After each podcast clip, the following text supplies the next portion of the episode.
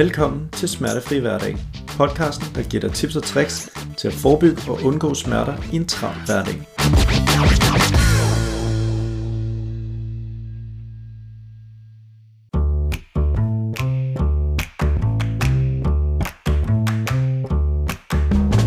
Når man sidder foran en behandler, får man tit en hel masse spørgsmål, der handler om de smerter, man kan mærke.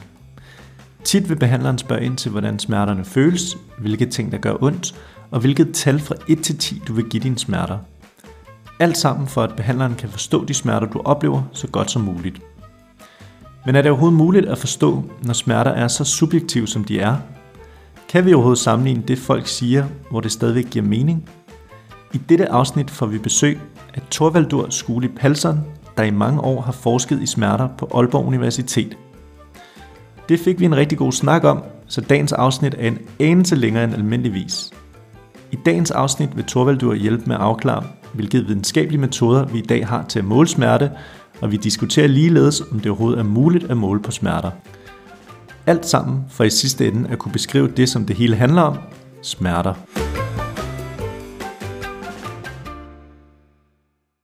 I dagens afsnit af Smertefri Hverdag får vi besøg af Torvaldur Skuli Palsson, som igennem mange år har forsket i blandt andet smerter.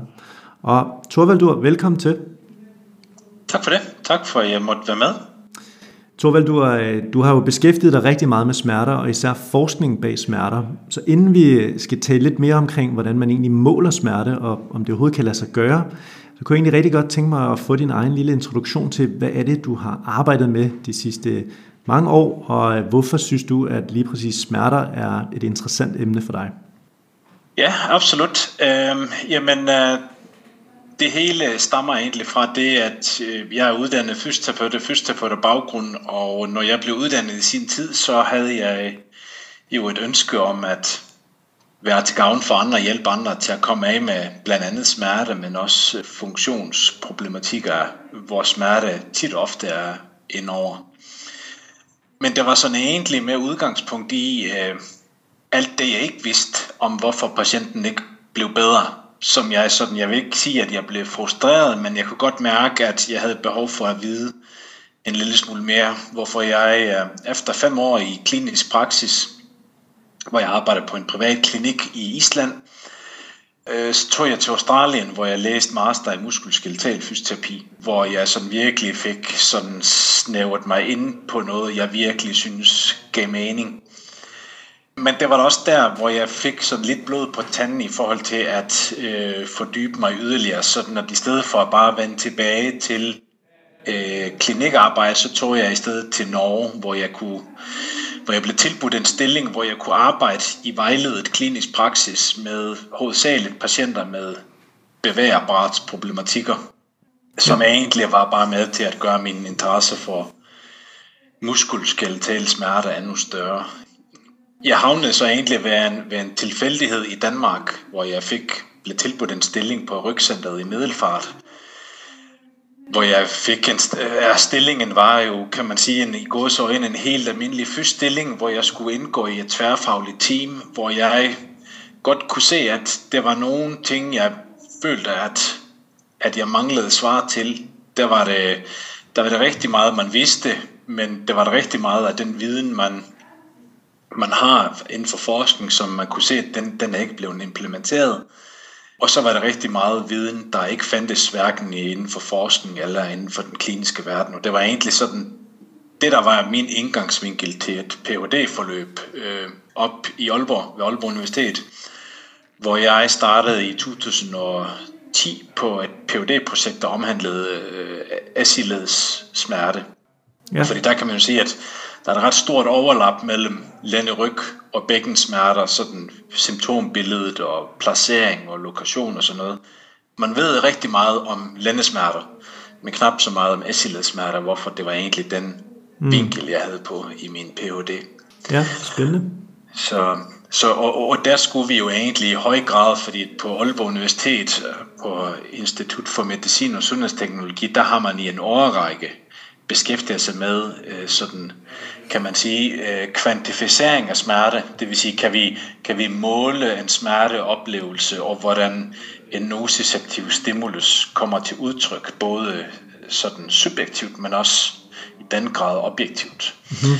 Så det er egentlig sådan, uh, der hvor, jeg, hvor smerte blev et omdrejningspunkt, hvor jeg vil ikke sige, at asiledsmertene faldt i baggrund, men så var det, så var det mere smerteoplevelsen, hvor asiledet var jo egentlig en model, vi brugte til at forstå øh, emnet en lille smule bedre.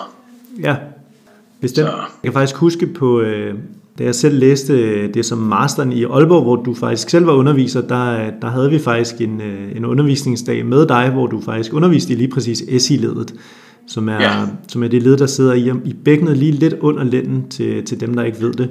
Der kan jeg huske en af de ting, du også snakkede meget om, det var det her med, at der er lidt en forskel på det, vi siger, kontra det, som forskningen faktisk siger. Det vil sige, der er lidt, ja. et, der er lidt et gap, øh, når, man, når man henvender sig til en, en fysioterapeut i dag, typisk, end hvis man spørger en forsker for eksempel fra Aalborg Universitet, at, øh, at der er nogle lidt nogle missing links, der bliver fyldt ind med, med lidt forskelligt info. Det, det, er fuldstændig ret, det er du fuldstændig ret i. Det er rigtig meget sådan den kliniske hverdag er, og den information, man finder på nettet og andre steder, den er i høj grad præget af antagelser omkring, hvordan menneskekroppen fungerer. Og desværre er det også der, hvor de personer, der lider af smerter, finder information omkring blandt andet deres smertetilstand. Og der er det jo lidt ærgerligt, at vi ikke finder eller har bedre viden, eller mere opdateret viden, mm-hmm, mm-hmm. og i nogle tilfælde ingen viden, fordi det er jo, man er ikke nået så langt forskningsmæssigt. Men, uh... Vidste du, at over 850.000 mennesker lever med længerevarende smerter i Danmark? Det bringer os egentlig en lille smule videre til, eller en lille smule frem til det første, jeg egentlig godt kunne tænke mig at, at, at snakke lidt med dig omkring. Det er det her med, om, om det faktisk egentlig giver mening at tale om at, sam, at sammenligne smerter mellem hinanden. Altså fordi, når man får en, en klient i klinisk praksis, der, der kommer ind ad døren og siger, hun har ondt i ryggen, de første, de første ting, vi naturligvis vil spørge om, det er jo alt det her med at prøve at beskrive de smerter, de oplever. Sådan noget med, hvordan vil du beskrive dine smerter selv, og kan du, kan du fortælle, om det stikker, eller prikker, eller gør sådan nogle ting. Og i sidste ende, så er det jo selvfølgelig for, at vi som, som klinikere ligesom kan spores mere ind på, hvad, hvad tænker vi af hypoteser, der kan være til, til de her smerter og sådan. Og mm. i sidste ende, så er det jo så subjektivt, så spørgsmålet er, giver det overhovedet mening egentlig, og øh, altså giver det mening at sammenligne de smerter, man har mellem hinanden? Ja, altså hvis du tænker sådan mellem individer, ja. så øh, det tror jeg ikke, eller det, er jo, det, det kommer måske lidt an på, hvad vi vil bruge øh, informationen til, fordi at Altså mine rygsmerter er ikke det samme som dine rygsmerter. Det gælder både kvalitet og intensitet og hvordan det arter sig, om det kommer en gang imellem, eller om det er en kontinuerlig oplevelse. Og, og der kan man jo sige, at hvis jeg beskriver mit, mine symptomer på, på en bestemt måde, og, og en anden person beskriver det anderledes, kan, siger mig ikke noget om, hvem er hårdest ramt. Ja. Fordi det er jo ikke noget, der siger, at en følelse af en dunkende, lynende smerte behøves at have en værre underliggende forklaring end symptomer, der er dulmende, intimiderende, men ret intense i perioder. Det, det er jo sådan lidt... Mm. Det er jo lidt svært at bruge den information til noget, men der hvor jeg måske tænker, at det godt kan have sin værdi at spørge ind til sådan noget, det er, hvis vi nu indgå i et forløb sammen med en, en klient i klinisk praksis, hvor vi gerne vil se, da vi sætter vedkommende i gang med at gøre, batter det noget. Og det kan også godt være bare, at det er tiden, der gør, at du får det bedre. Men det kunne være meget rart at kunne monitorere over tid, hvordan symptomerne arter sig. Og der er det sådan at udvikle sig, fordi at hvis vi udelukkende interesserer os i, smerteintensiteten og bruger så bare måske et tal fra 0 til 10, hvor 10 er værst tænkelige smerter, mm-hmm. som den klassiske måde at vurdere smerte på, så, så, så mangler der selvfølgelig måske lidt information omkring, mm. for eksempel, jamen, er symptomerne der hele tiden, eller går de fra at være kontinuerligt til at være der en gang imellem, fordi det vil jo klart være et tegn på en ændring i hvert fald af smertesyndromet, og typisk vil man så anse det som en lille bedring, det vil sige et, et skridt i den rigtige retning.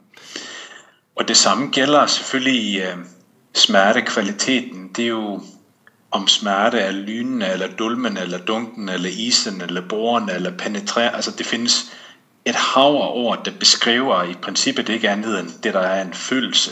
Den er meget individuel selvfølgelig. Mm-hmm. Men her igen kan man jo måske bruge det til at ved opfølgende konsultationer, at prøve at se, har, har, det, har det ændret karakter? Et godt eksempel på det kunne for eksempel være personer, der kommer med, til os med øh, tegn på akut rodtryk, det vil sige en diskusprolaps. Det man ofte vil høre dem sige, det vil ofte beskrive måske rygsmerte og bensmerte, hvor man ofte kan se, at bensmerterne er dominerende over rygsmerterne. Ikke altid, men nogle gange er det sådan. Men så kan man måske nogle gange se, at det at have sindssygt ondt i benet, det er jo måske ikke... Altså nogle gange kan man se, at det er måske bedre, at du har ondt i benet, end at benet sover. Fordi det kan jo indikere lidt omkring, ligesom, hvor stor del af nerve, nervens funktion er komprimeret.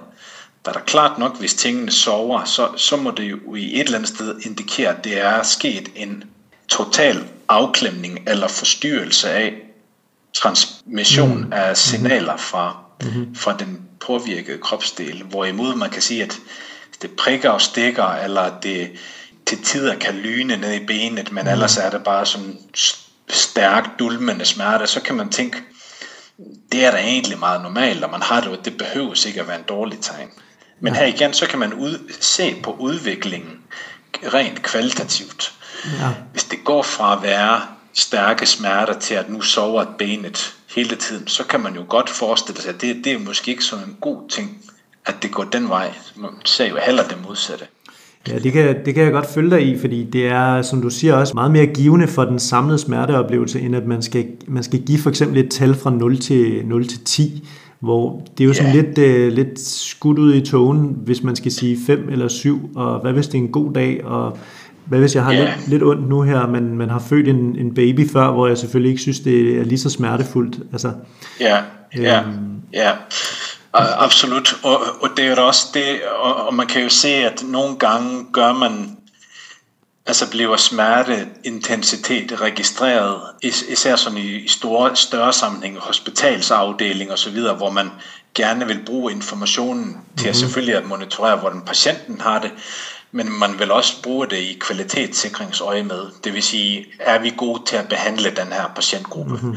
Og så skal så er det sådan en kvalitetsindikator på, ligesom, på vores data, at alt er registreret efter borgen. Ja, ja. Og der kan man nogle gange se, at så bliver det spurgt om indtil øh, nuværende smerte, og så måske også tidligere smerte, hvornår, hvor, hvor, hvor højt ligger de, når det er på en dårlig dag, eller når det virkelig står træls til, og hvornår, hvordan kan de være, når det er mm. på, på en god dag. Ja, bestemt. Men der er der klart nok, at der vil, der vil du jo typisk, og der har forskningen vist, at hvis du har stærke smerte på det tidspunkt, du bliver spurgt, så vil det påvirke din hukommelse. Det vil sige, så vil det også have været rigtig træls på en træls dag, og ikke særlig godt på en god dag.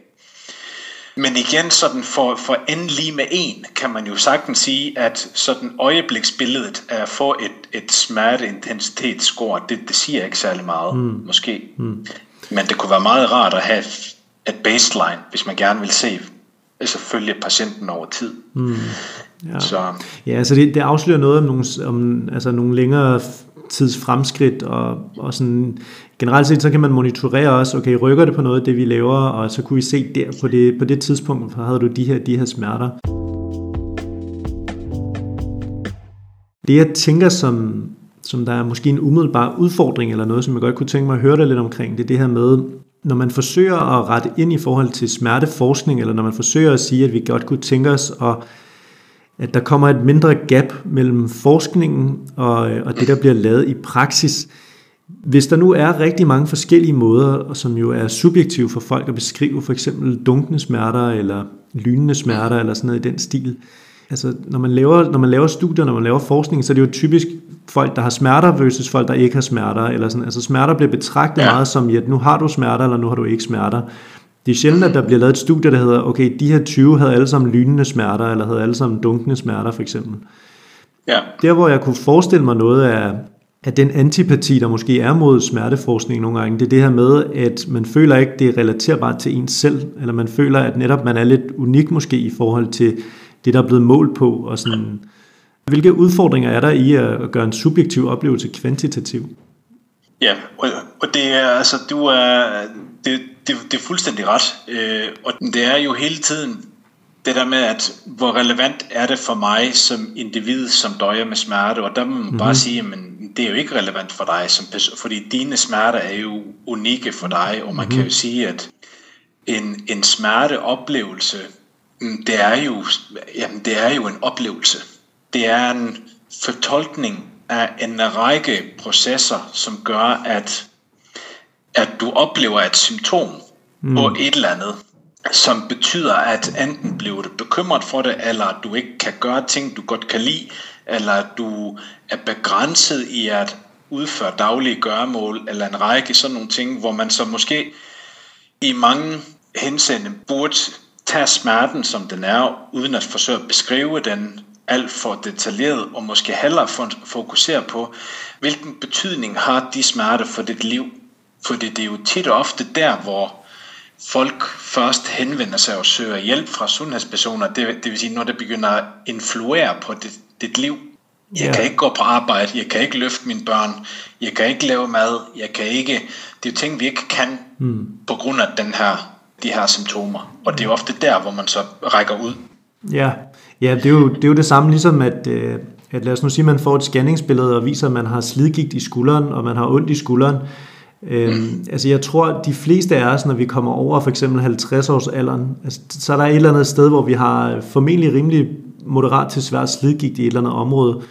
Vi har jo ikke tænkt os at starte op på noget. Altså det er sjældent, vi, vi siger, nu tager vi bare lige til en scanning for sjov, for at se, hvor skal jeg begynde at træne. Det er jo mere, vi begynder at, det er, hvis, hvis vi får et funktionsproblem i området, altså det gør ondt i skulderen for eksempel, så er det, vi begynder at starte med at træne, men så er det jo smerterne, der er problemet. Altså. Ja, ja. Og, og man kan jo ofte se, og det er jo både i forhold til fritidsaktiviteter, men det er der også daglige gøremål og, og arbejde selvfølgelig, som er jo sådan et samfundsproblem, fordi så, hvis man ikke kan gå på arbejde, så kan man ikke betale skat, og så bliver det alles problem, kan man sige. Men man, man kan jo se, og, og, og det kan jeg også godt forstå, at for nogen, så er præmissen for at kunne vende tilbage til en normal dagligdags aktiviteter, det er, at man skal have lettet eller lindret eller fuldstændig fjernet smerterne. Hvor man i dag er begyndt at tænke, måske, jamen måske er præmissen for, at du kan blive smertefri, altså så skal du faktisk genoptage daglige gørmål, mm. og så skal smerten nok gå i sig selv. Mm. Og, og der er der stor fokus på det, for eksempel inden for arbejdsmedicin, hvor man er begyndt at se på de store tendenser, der er i forhold til for eksempel sygefravær inden for nogle bestemte brancher.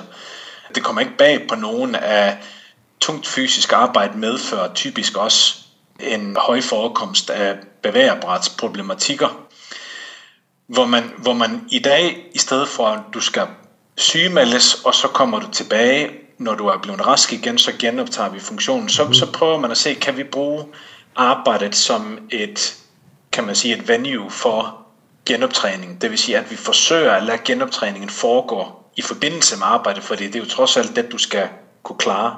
Mm. Men så i stedet for, at du sådan uh, skal ud af en funktion, så prøver man at finde ud af, hvad, hvad for nogle dele af dit arbejde giver dig de største problemer, og så prøver man at dele det op i sådan nogle små bidder. Ja, så, så, så det jeg egentlig også hørt dig sige, det er, at tidligere måske, så har man haft meget en tendens til at sige, okay, for at jeg kan lave en bestemt funktion, så, skal, så er jeg ligesom afhængig af smerten. Det vil sige, jeg skal først lave den her funktion, når jeg er smertefri. Hvor ja. det, som der også kan gøre, man kan måske virkelig også vente den om at sige, at, at noget, der kan hjælpe dig til at blive smertefri i sidste ende, det er, at du bliver ved med at, at lade dig styre, kan man sige, funktionen, at du bliver ved med at lade, lade dig lave fysiske aktiviteter og andre ting. Ja, ja. Altså nu, nu kan det godt være, at der er nogen, der lytter med, som, som siger, at det er noget fjolleri at sige sådan noget, fordi at, hvad med de her udtalelser, sådan dem, der sidder ved skrivebord og ikke har en, en, en, en, et tungt fysisk krævende arbejde. Fordi altså, budskabet i det her, det er jo ikke, at man skal bare bide smerten i sig, og det skal nok gå, og så må du bare, så må du bare ligesom tage dig sammen, hvis ikke, hvis ikke det kan lykkes med det. Det er jo ikke det, jeg siger. Man skal jo absolut tage hensyn til smerten, og hvor stor øh, rolle den kan spille i et funktionstab. Ja. Budskabet er jo langt heller det, at som minimum, så skal vi øve os i at kunne klare de opgaver, som arbejdet eller hverdagen kræver. Og der vi siger, at du skal gå på arbejde selv om det går ondt, det betyder ikke, at du skal klare det alene. Det man ønsker i dag i høj grad, det er, at man sammen med arbejdsgiver og sammen med øh, måske en sundhedsfaglig person, en fysioterapeut eller lignende, skal arbejde sammen på nogle løsninger, som kan gøre det muligt, at man vender tilbage på arbejde, hvis, hvor man så kigger på de bestemte funktioner, du mm. har i dit arbejde. Hvis, hvis du har et problem med at sidde længe, fordi du har ondt i ryggen, så må man jo undersøge, kan, kan opgaven klares anderledes? Ja. Kan vi justere på måden, du sidder, uden at sige, at man kan sidde rigtigt eller forkert, men anderledes, end du plejer? Ja. Samme gælder løfteteknik, eller hvad det nu alles måtte være. Ja, lige præcis. lige præcis. Øh, så det er at finde på nogle løsninger, der kan muliggøre funktionen, fordi smerten, den vil være der. Og hvis smerten er der, fordi, på, fordi du har fået, lad os sige, en, en skade på en kropsdel, fordi tit ofte siger man, at du kan godt have en skade, uden at gå ondt, og det er der helt rigtigt, som du også sagde, man kan jo blive scannet, og så har man tilfældighedsfund, som viser slid og så, og så videre. Men, men en vævskade kan klart også give smerte. Ja, naturligvis altså, det, også. Det, at du har en tendinopati i skulderen, eller diskusprolaps, for mange vil det gå ondt. Mm. Men for de fleste, så vil det gå lang tid, før du er symptomfri. Hvis metoden, man anvender til at blive symptomfri, er at blive passiv og vent, indtil det går i sig selv, så har talrige studier vist, at hvis man bruger den tilgang versus en mere aktiv tilgang, så er tidshorisonten helt anden. Mm. Det vil sige, at det går længere tid, før du kan vende tilbage til normalt normal liv, hvis du er sådan mere passiv i din tilgang. Ja, så på den måde ligesom øh, sætte det meste af det i funktion også, og ligesom sørge for at, at lave en plan for, hvordan kan vi genoptræne til den funktion, du gerne skal tilbage til, og der hvor din krop reagerer, hvad kan vi sige, sensitivt over for nu, hvis det er at sidde ned, eller det er at bøje sig fremover eller noget, at vi så egentlig ikke skal, at vi så egentlig ikke skal være fuldstændig afvisende for at gøre det, men mere, at det er det, som genoptræning skal have fokus på at, at hjælpe med. Ja, lige præcis, ja. Så, ja. så det var jo egentlig måske et langt, spørgsmål, langt svar til det spørgsmål omkring, hvorvidt skal vi måle smerte, fordi det tænker, måske skulle vi i langt højere grad interessere os for funktionsevne og specifikke funktioner, mm. som du kan udføre, og i hvor høj grad er smerten et forstyrrende element. Mm. Fordi så er vi jo egentlig vendt fokus fra ligesom smerten til, jamen hvad er det, du ikke kan på grund af smerten. Mm. Og så er fokus på at kunne og ikke at kunne, frem for ja. smerteoplevelsen i sig selv. Heldigvis eller desværre, så, så bor vi i et land og i en verden, hvor hvor mange også bliver meget ældre end, end, end man så for nogle årtier tilbage. Det betyder jo bare, at tingene bliver lidt mere brugt, end de var. Altså, de nåede aldrig at blive slidt op, fordi man var jo død, før det, før det skete i gamle dage. Mm-hmm. Min bedstefar sagde jo altid, at hvis du vågner op øh, øh, en dag efter du er fyldt 50, og du ikke mærker nogen symptomer, så er det nok fordi du er død. Og, og ikke fordi, at det måske er fuldstændig rigtigt, men det er en vis sandhed i det, fordi at det at være et menneske i dag, altså vi har jo ikke nødvendigvis et krav på at være symptomfri. Og hvis vi spørger ude i den brede befolkning, hvor mange af jer har ondt et eller andet sted, eller oplever gener, eller træthed, eller smerte, vi døjer alle sammen med et eller andet. Men nogen af os er bare mere hæmmet af det end andre. Og det er jo sådan lidt det der med, at hvis det skal være et vilkår for at gå på arbejde, at vi er symptomfri, så kan man jo desværre sige, at så er det jo mange af os, der vil være uden for arbejdsevne, hvis det er jo mm. Øh, er noget, vi skulle kræve. Det handler, altså, nu nævner jeg rigtig meget arbejde, men det er jo fordi, at det er jo sådan, vi blev i høj grad i dag målt på, ligesom, mm. er vi gode nok til at behandle folk? Det er jo ligesom tilbagevand på arbejde, fordi der kan man se... Ja, sygdagpenge, alle sådan ting. Altså. Når det begynder at koste samfundet penge, så, så, så er man interesseret i langt højere grad, end hvis det er bare et, eller bare et individ, der lider. Ja. Det er da ærgerligt, men så er det kun individet, kan man sige. Ja, men, øh, ja lige præcis. Det, det, jeg kan godt følge dig, jeg kan sagtens forstå øh, ønsket også omkring det. Vidste du, at der ikke findes smertenerver eller smertereceptorer, da smerte er en følelse, der opstår i hjernen og ikke ude i kroppen. I klinisk praksis så er der jo nogle målemetoder, vi, vi anvender til smerter, og selvom det er svært at beskrive de samme smerter fra person til person, eller selvom smerter er meget unikke, så er der jo selvfølgelig nogle ting, som vi forsøger at prøve at, at måle på i forhold til smerter. Og øh, allerførst, hvilke objektive målemetoder, eller hvilke er de mest klinisk relevante, altså hvem bruger vi mest i praksis til at objektivt måle smerter? Jamen, det er da et godt spørgsmål. Altså, det, det helt oplagte vil selvfølgelig være de målemetoder, vi bruger til at, til at kunne sætte et tal på enten en følelse eller funktionsevne. Et godt eksempel på det kunne jo være smerte. Der vil det jo tit ofte være brugt en NAS-skala på en skala fra 0 til 10, hvor, hvor mange smerter oplever du. Nogen bruger en VAS-skala, en 10 cm streg, hvor du skal sætte et kryds mm. på den linje, som, hvor du føler, at bedst beskriver de smerter, du har i dag. Nogen bruger også sådan det, der kaldes verbal rating scale, hvor man skal hvor det er sådan lidt grovere inddeling, hvor du har ingen smerter, milde, moderate, øh, stærke og svære, eller noget i den stil. Så det findes rigtig mange versioner af det. På funktionsevne, hvor der måske er måske hvor man tester sådan en afledt effekt af smerten. Det vil sige, vi anerkender, at du har smerte, men i hvor høj grad er du påvirket af det i forhold til din dagligdag. Der findes det jo rigtig mange validerede spørgeskemaer, hvor jeg sådan vil mene, at det, der ligner mest, det vi, som de fleste gør i dag, det, det vil jo være den her PSFS-skala, det vil sige Patient Specific Function Scale. I den skala, så skal, så skal, så skal personen øh, eller vores klient nævne 3-5 aktiviteter, som vedkommende er hæmmet i at kunne udføre. Og så skal man give et tal, hvor et højere tal indikerer bedre og bedre evne til at udføre det. Og det kunne være for eksempel at tage sko på, så, så giver du det en 4 eller et eller andet, og så hænge vasketøj op, så vil det ligge på et eller andet. Så, så får du et sådan samlet score ud af det. Og det tænker jeg, det er jo sådan en udmærket måde at kunne netop at vurdere fremgang, mm. hvis du nu sætter et eller andet i gang. Men når vi så vender tilbage til spørgsmålet, hvorfor en objektiv målemetoder, altså det vil jo måske være noget af det, vi bruger, men når det så er sagt, så kan man sige, men i princippet så er det jo bare en kvantificering mm. af en subjektiv oplevelse. Så, så det er jo meget subjektivt. Ja. Noget, der minder måske meget om, om det, man forsøger at gøre i smerteforskning, det er jo sådan en kvantificering af smertefølsomhed.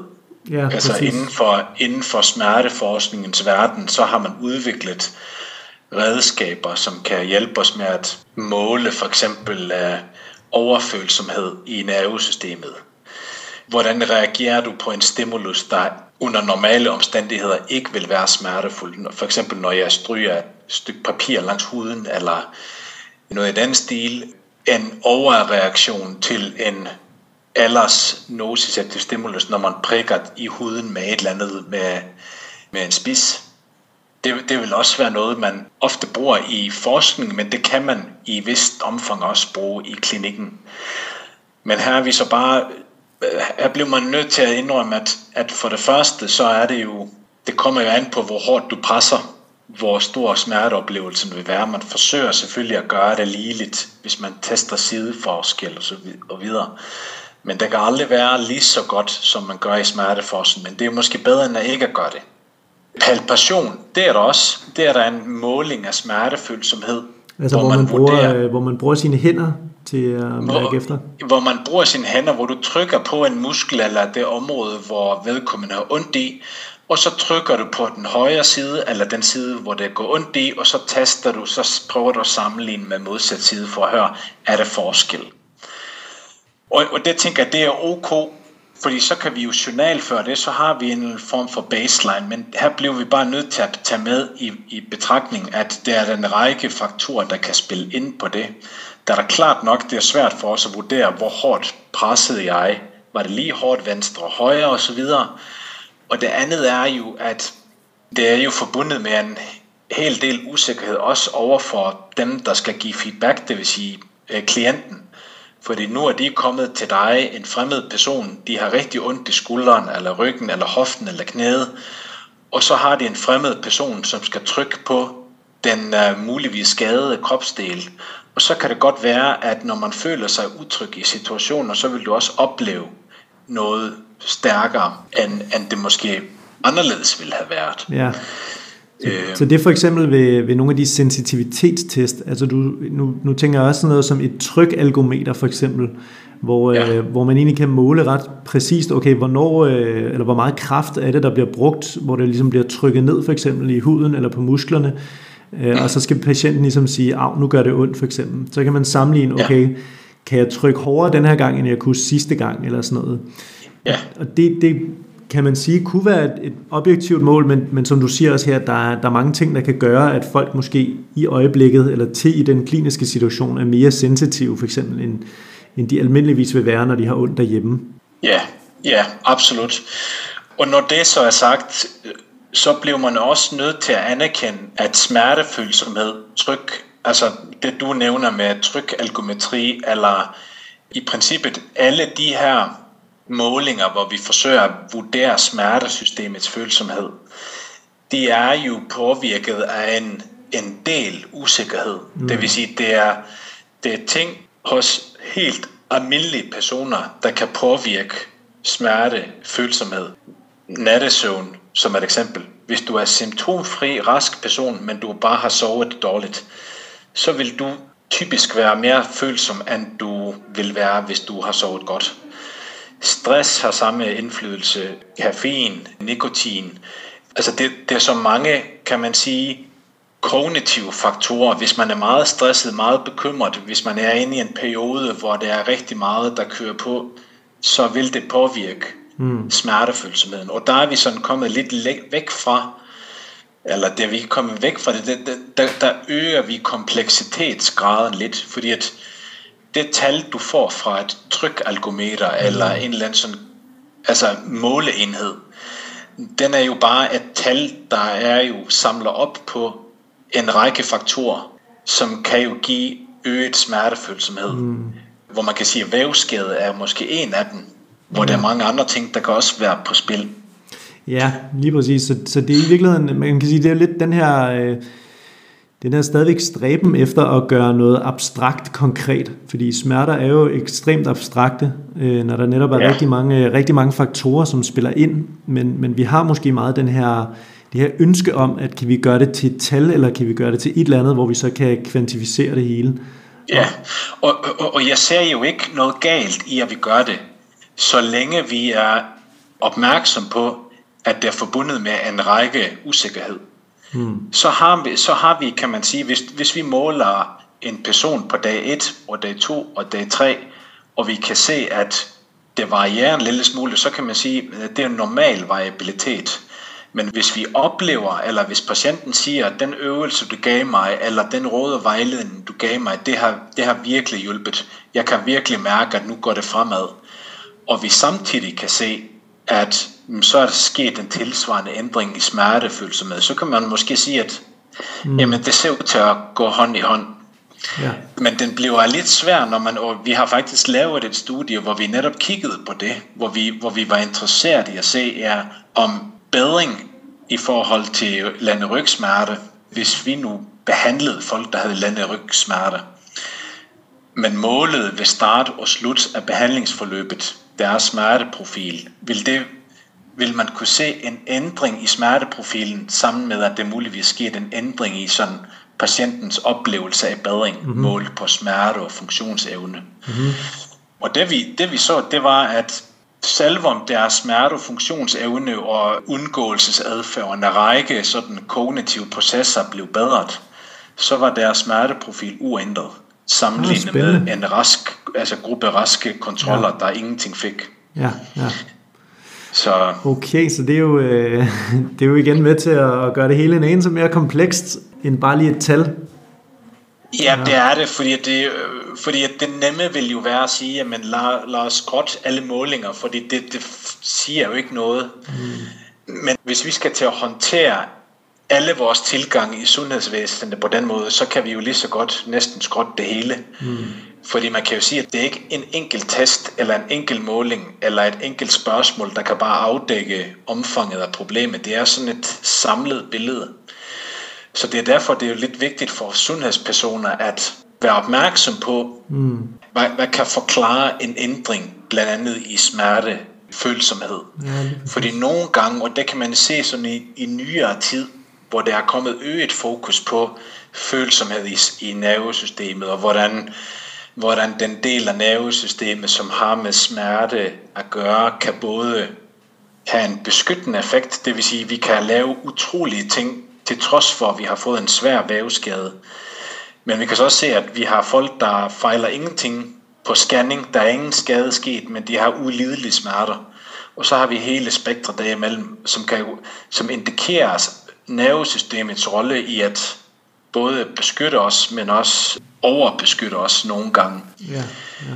Så, og, og, og der bliver det nogle gange også desværre mange øh, sundhedspersoner oplevet som om, at det vævskade eller overbelastning eller belastning i, den, i sin helhed ikke spiller en rolle i det, fordi det hele handler om nervesystemet og nervesystemets følsomhed.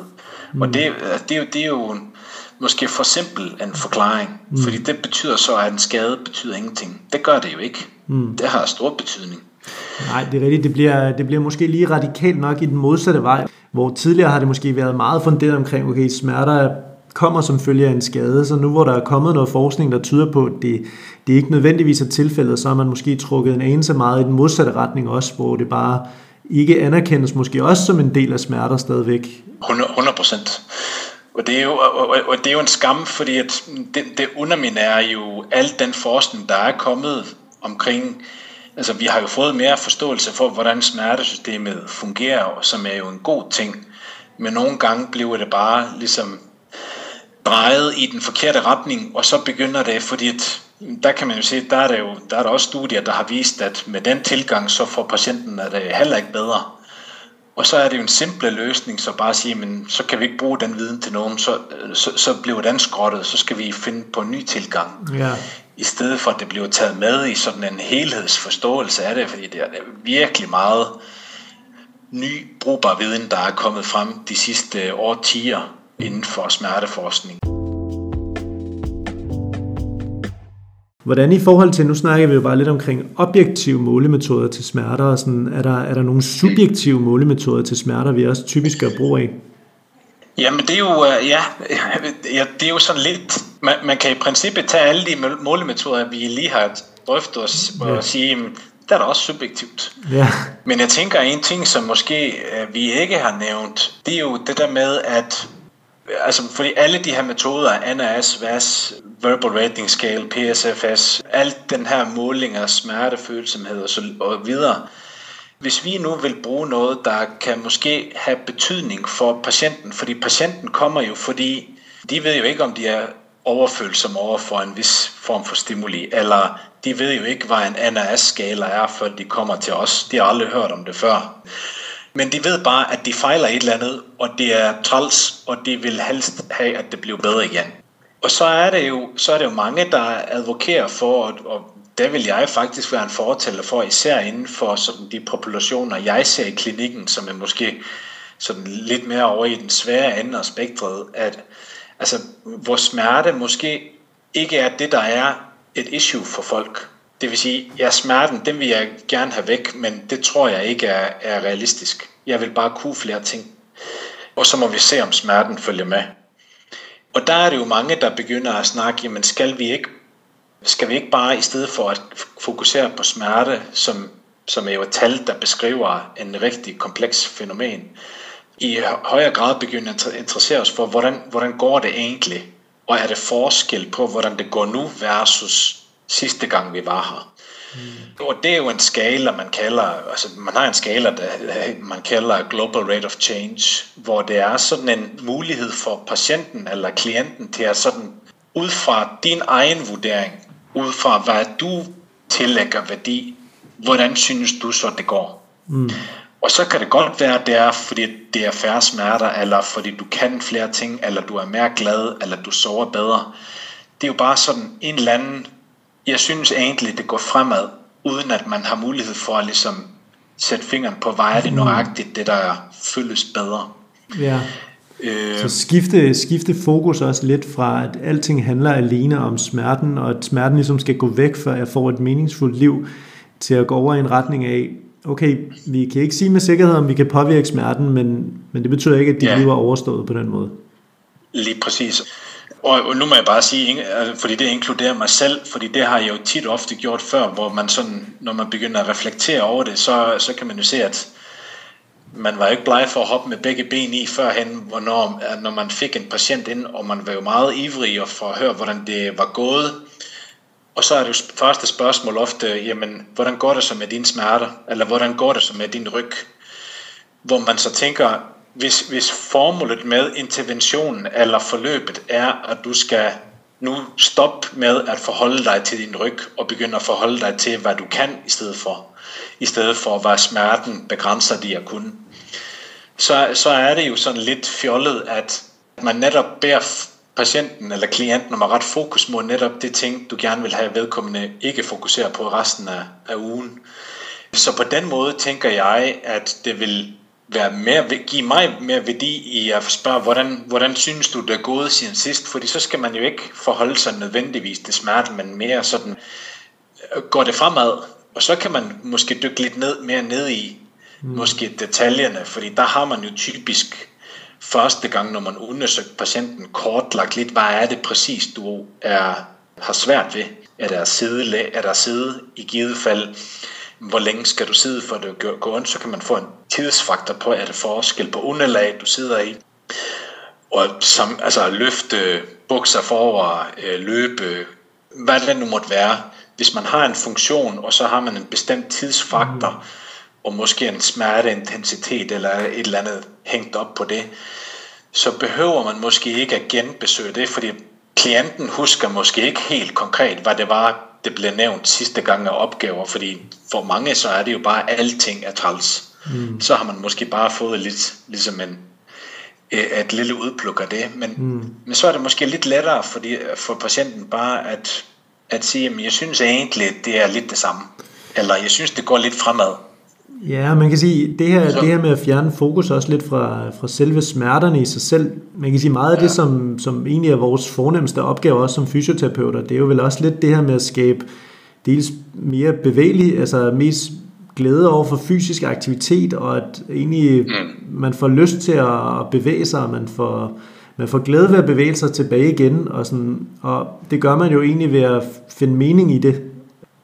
Absolut. Absolut, og det er sådan lidt kernen i det, vi skal gøre, eller synes jeg, fordi at man kan jo sige, at vi har jo ingen kræfter i vores fingre, som kan helbrede væv. Vi kan jo ikke, hvis det er, hvis det er tale om skade i en skulder eller ryg eller knæ, vi kan ikke få et normalt væv tilbage med en øvelse eller en eller anden form for behandling. Men tit og ofte kan vi godt se et, et ret stort fremskridt i forhold til, hvad man kan til trods for de ting. Og det, det er der, hvor jeg mener, at vi har en rigtig stor rolle. Ja, og, ja. og, og det at måle på, hvordan det går, det synes jeg, vi skal interessere os for. Men som vi har snakket om her, det, altså, hvordan skal vi måle på det? Det er jo ikke... Det findes jo ikke rigtig sådan et rigtigt eller, eller forkert svar, men jeg tænker mere, at vi skal interessere os for, hvis vi nu skal indsamle den information, smertescore eller et eller andet, så skal vi jo være meget bevidste om, hvad vil vi egentlig bruge det til. Ja, ja øh, det synes jeg er vigtigt. Det giver også rigtig god mening, og det er, det i virkeligheden ligger sig rigtig meget op af, af hele den her rolle, vi, Altså både som, som du også tænker, og som jeg også selv tænker, vi som fysioterapeuter skal, skal være opmærksom på, det her med, at, at det ikke, selvom smerteforskning er blevet rigtig god, og vi ved mange flere ting nu, end vi gjorde for 10, 15, 20 år siden, så, så betyder det ikke, at alle mennesker kan blive fri for smerter, altså alene af den årsag. Vi har bare forstået smerter som fænomen bedre, og vi kan beskrive flere ting angående smerter, og ved ligesom nogle flere, øh, altså at det hele er meget komplekst, eller at det hele er mere komplekst, end, end vi har troet tidligere, og, og man kan sige, at vi bliver hele tiden klogere på smerter, men det betyder ikke, at folk ikke, at vi kan fjerne alle smerter, der, sådan, der opleves på den måde, og, og derfor giver det også bare rigtig god mening, at man har fokus på det hele mennesket, og fokus på netop funktionerne, og så, vi ikke, så det er ikke bare ens betydende med ens liv er overstået, hvis man, hvis man får smerter på den måde ab- absolut, og heldigvis er det jo sådan, at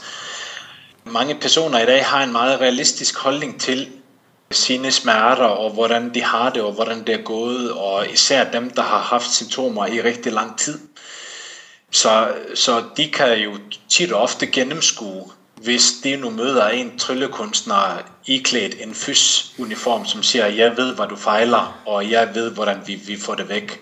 Fordi de personer har de mødt mange gange mm-hmm. før i, sin, uh, i sit forløb, og der tænker jeg, at vi skal løfte os op på et lidt højere niveau, og, og i fællesskab forsøge at finde ud af, sammen med patient, altså fællesskab med patient, på at finde ud af, hvad, hvordan du kan komme tilbage. Men det fordrer jo, at vi, vi har forstand på, hvordan menneskekroppen her under nervesystemet fungerer.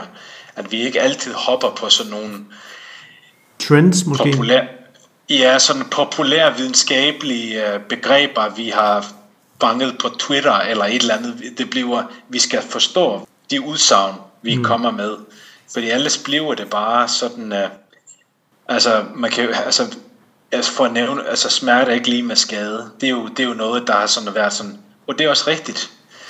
Men, hvor, men så er det jo næste spørgsmål, hvorfor har jeg så så ondt? Mm. Og så bliver det ofte, ja, men det er jo fordi, at nervesystemet er overfyldt. Altså, du, kan, kan du følge mig? Ja, sagtens. Det bliver ofte sådan, uh, smerte er ikke lige med smerte, det er, det er, det er jo rigtigt. Men, eller smerte er ikke lige med skade, undskyld. Men, smerter er lige med smerter, kan man godt sige. ja.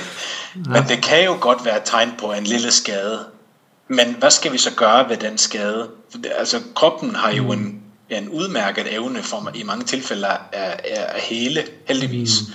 Hvordan kan, vi, hvordan kan vi understøtte helingsprocessen, hvis det er tale om det? Så skal måske fokus være på det, så skal smerten nok gå i ja. sig selv. Ja. Det giver, det giver rigtig, rigtig god mening. Så vi skifter vores fokus til, til det. Ja. Jamen, uh, Torvald, du, jeg tror, uh, jeg tror, det var det, og vi kom rigtig mange gode steder hen, og, og du skal have tusind tak, fordi du havde lyst til at være med, og for at du uh, gav os rigtig meget god viden og gode råd også, som vi jo kan bruge, og som er, som er meget vigtige i forhold til oplevelsen med klienter og som klient, for at vi i sidste ende ja, giver det bedste forløb og giver de bedste muligheder for, at du lever et, et meningsfuldt og aktivt liv. Absolut. Så. Jamen tak for, at jeg måtte være med. Ja. Efter min samtale med Torvaldur, så fortalte Torvaldur også, at han blandt andet arbejder dels som forsker, som han jo har gjort i noget tid, og også dels med klienter i sin egen klinik. Og en af de årsager til, at han gør det, det er blandt andet, fordi han siger, at der er rigtig meget forskning, som på en eller anden måde har svært ved at dukke op til overfladen, altså som har svært ved at komme ud over selve forskningsmiljøet, og på den måde, så, så er der ikke så meget, der får det til at overførbares til eksempelvis klinisk praksis. Og det mener han også er et, et stort problem i den forbindelse, fordi det er vigtigt, at den forskning, der bliver lavet, ligesom også er med til at gøre noget, som vi som fysioterapeuter eller andre behandlere ligesom kan bruge i vores arbejde med klienter på den måde. Og derfor giver det også rigtig god mening at tage tre gode råd til, hvordan du kan måle dine egen smerter i din hverdag. Det vil sige, noget af det, vi har talt om nu her, hvordan kan man få det ned til din egen hverdag. Det første gode råd, som man kan gøre, hvis du gerne vil måle dine egne smerter, det er at lave en dagbog over dine smerter. Når jeg mener dagbog, så betyder det egentlig bare, at du har mulighed for at skrive det ned. Det kunne være dels den her skala fra 0 til 10, som Torvald du har snakket omkring, den som hedder en NRS, hvor 0 er ingen smerter, og 10 er værst tænkelige smerter, du har. Der kan det være en god idé at skrive ned hver eneste dag. I dag synes jeg, at jeg har ligget på en 4, og på den måde, så kan du ligesom tracke sådan over de næste par uger eller næste par måneder, hvordan har det set ud med den her smerteintensitet, som vi også kalder det, altså hvor ondt har det gjort. På den måde så bliver man også klogere på at ligesom kunne se, okay, er der nogle perioder, er der noget, der gør sig gældende i de her perioder, hvor jeg har ondt, og ligesom kan se nogle mønstre og sige, okay, det virker som om, at det, der trigger mine smerter meget, det er, når jeg læser meget til eksamen, eller når jeg løfter meget tunge ting i forbindelse med en flytning eller andre ting. Og på den måde bliver man også bedre bekendt med, hvad er det for noget ens eget smertesystem, som Thorvald du også kaldte hvad er det, det reagerer på. Og så ved vi altså lidt mere omkring de smerter, som vi oplever. Fordi i sidste ende, så jo klogere du kan blive på dine smerter, jo bedre mulighed giver det os også for at ja, arbejde målrettet med de smerter, du har. Så hvis du laver den her skala fra 0 til 10, hvor du hver eneste dag uddyber, eller hver eneste dag beskriver, hvordan det er, så er der altså også mulighed for, at vi kan se en, en udvikling i det her. Altså dels bliver det værre, dels ændrer det sig. Det er som sagt et tal, der er forbundet med rigtig mange, meget usikkerhed. Og det er også okay, fordi usikkerheden er jo en præmis for, for hele den her smerteforskning, der også er, at der er rigtig meget usikkerhed omkring ting, fordi det er svært at udelukke faktorer fra forskning. Og med, med den her målemetode, så får vi altså mulighed for ligesom at se, okay, er der nogle tendenser, som, som vi måske kan gribe an på. Og det er jo også tit svært at se øh, sit fremskridt selv. Det vil sige, jeg har tit folk i klinikken, som kommer og ligesom siger, ja, men det gør egentlig rigtig ondt stadigvæk i skulderen, og det er også helt okay, hvis det gør ondt i skulderen. Men når jeg så spørger lidt ind til, ja, er det stadigvæk den der lynende fornemmelse, du har? Nå nej, den er jo faktisk egentlig gået væk, og ja, jeg synes også, at jeg kan sove flere timer om natten og, og andre ting. Altså, der er rigtig mange parametre, man ligesom kan måle på i forbindelse med smerter, som i sidste ende også gør, øh, at altså ligesom i sidste ende også giver et udtryk for, om man er på rette vej, eller om man, man stadigvæk har brug for noget lidt andet i, i sin smertebehandling. Det andet gode råd, som du kan implementere i din hverdag, hvis du gerne vil måle dine smerter, det er altså, at man kan teste dig selv af med de samme aktiviteter på ugenlig basis. Det vil sige, Torvald, du har snakket rigtig meget omkring det her med at have fokus på sine funktioner. Og det er en vigtig ting, fordi meget af det, som smerte giver os problemer med, det er netop i vores hverdag. At det er sjældent, vi henvender os til fysioterapeuter eller andre behandlere, hvis ikke det er fordi, at vi har et problem i vores hverdag, som smerter ligesom er hovedårsagen til. Det vil sige for eksempel, hvis vi ikke kan løbe mere, eller hvis vi har problemer med at gå længere ture, som vi rigtig godt kan lide, så en af de ting, som netop kan fjerne fokus en lille smule fra smerterne og over på det, som egentlig betyder rigtig meget, nemlig din funktion, det er at prøve at teste dig selv af med de samme ting. Det vil sige, prøv at sige, den ene uge, der kan jeg mærke, at det gør ondt, når jeg går to kilometer. Det er der, mine smerter ligesom reagerer. Så prøver vi ugen efter igen at to, gå to kilometer. Eller det kunne også være at løbe, det kunne være at gå på trapper, det kunne være andre ting.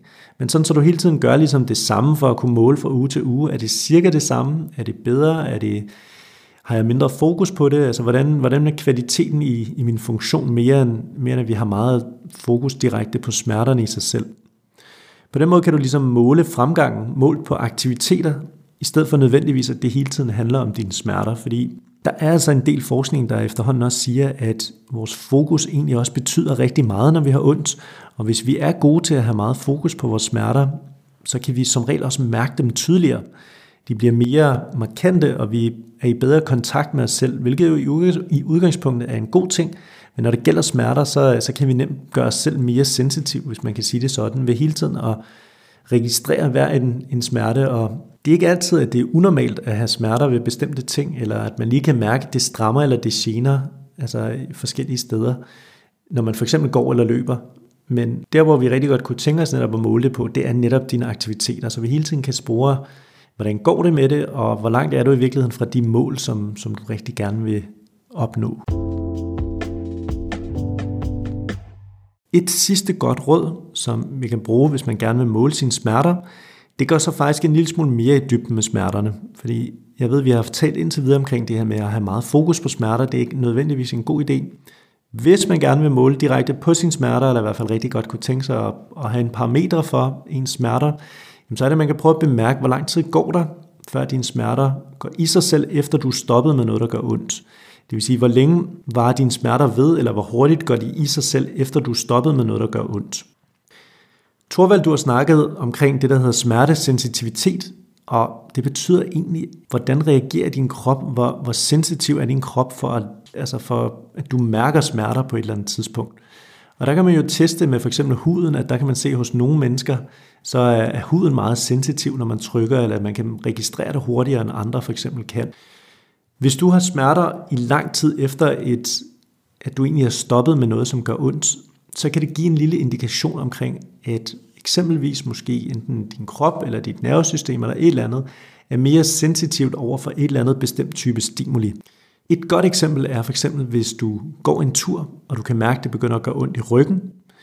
Hvis du kommer hjem efter at have gået turen på 500 meter, og du så har ondt i to dage efterfølgende, så er der en god mulighed for, at vi kan sige, at det virker til, at du er forholdsvis smertesensitiv, fordi at gå 500 meter er ikke nødvendigvis noget, der skal kræve to til tre dages smerter efterfølgende.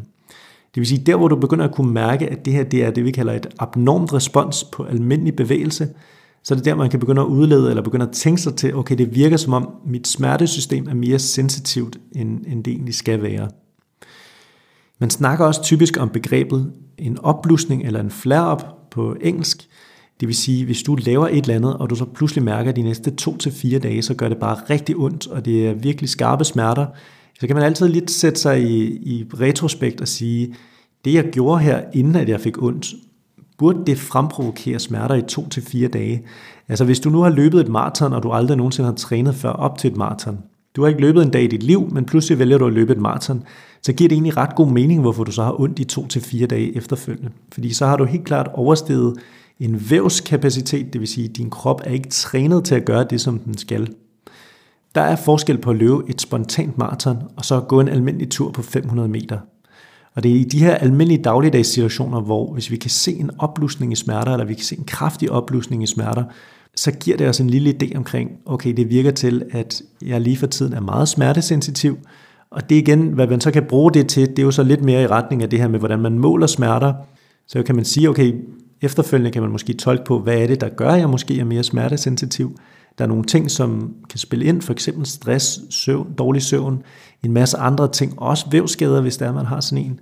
Og i sidste ende, så, så handler det egentlig bare om at prøve at tænke sig til mange af de faktorer, som kan spille ind, eller meget af det, som man tænker, gør, at jeg er i en sårbar position lige for tiden. Og så prøve at se, om man ja, dels selvfølgelig kan ændre på dem, men også være ærlig med sig selv i forhold til, måske det er bare en periode, hvor jeg er meget stresset, fordi jeg har eksamensangst, eller noget i den stil, at så er man også klar over præmissen om, at som, jamen jeg ved også, det er noget, som, som aftager stille og roligt, eller som nok skal aftage igen.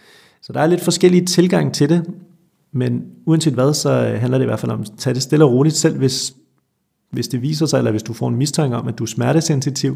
Det er altså ikke fordi, det er jordens undergang, fordi der er altså rigtig mange fejlkilder forbundet med det. Du skal egentlig bare sørge for at komme i gang med en, en planlægning af, hvordan kan jeg gøre det mindre sensitivt. Hvis jeg skal, hvis jeg skal, hvis jeg skal gå igen, eller jeg gerne vil løbe igen, hvordan kan jeg så strikke en god plan sammen for at komme i gang med det og komme op på det mål, som jeg rigtig gerne vil. Selvom vi tit har forbundet eksempelvis skader og smerter med hinanden, så ved vi i dag, at smerter er en tand mere komplekse, end vi lige har gået og troet. Det betyder også, at den måde smerte føles på hos den ene, kan være helt anderledes for en anden. Det skyldes ikke mindst, at smerte også er afhængigt af de erfaringer, vi hver især kommer med fra livet. Dog giver det i en forskningsmæssig sammenhæng god mening at forsøge at måle smerte så meget som muligt, så vi kan lave troværdige forsøg og test og udvikle gode behandlingsmetoder. Der vil dog altid medfølge fejlkilder, når vi forsøger at måle på smerter. Et nyt spændende afsnit af Smertefri Hverdag er ved at være overstået, og jeg håber, I ligesom jeg blev lidt klogere på, hvordan man måler smerte og hvilke redskaber vi har til rådighed i dag. Hvis du er endnu mere interesseret i emnet, så tøv endelig ikke med at ringe eller skriv til os på de kontaktoplysninger, vi har herunder. Rigtig god dag ude i stuerne.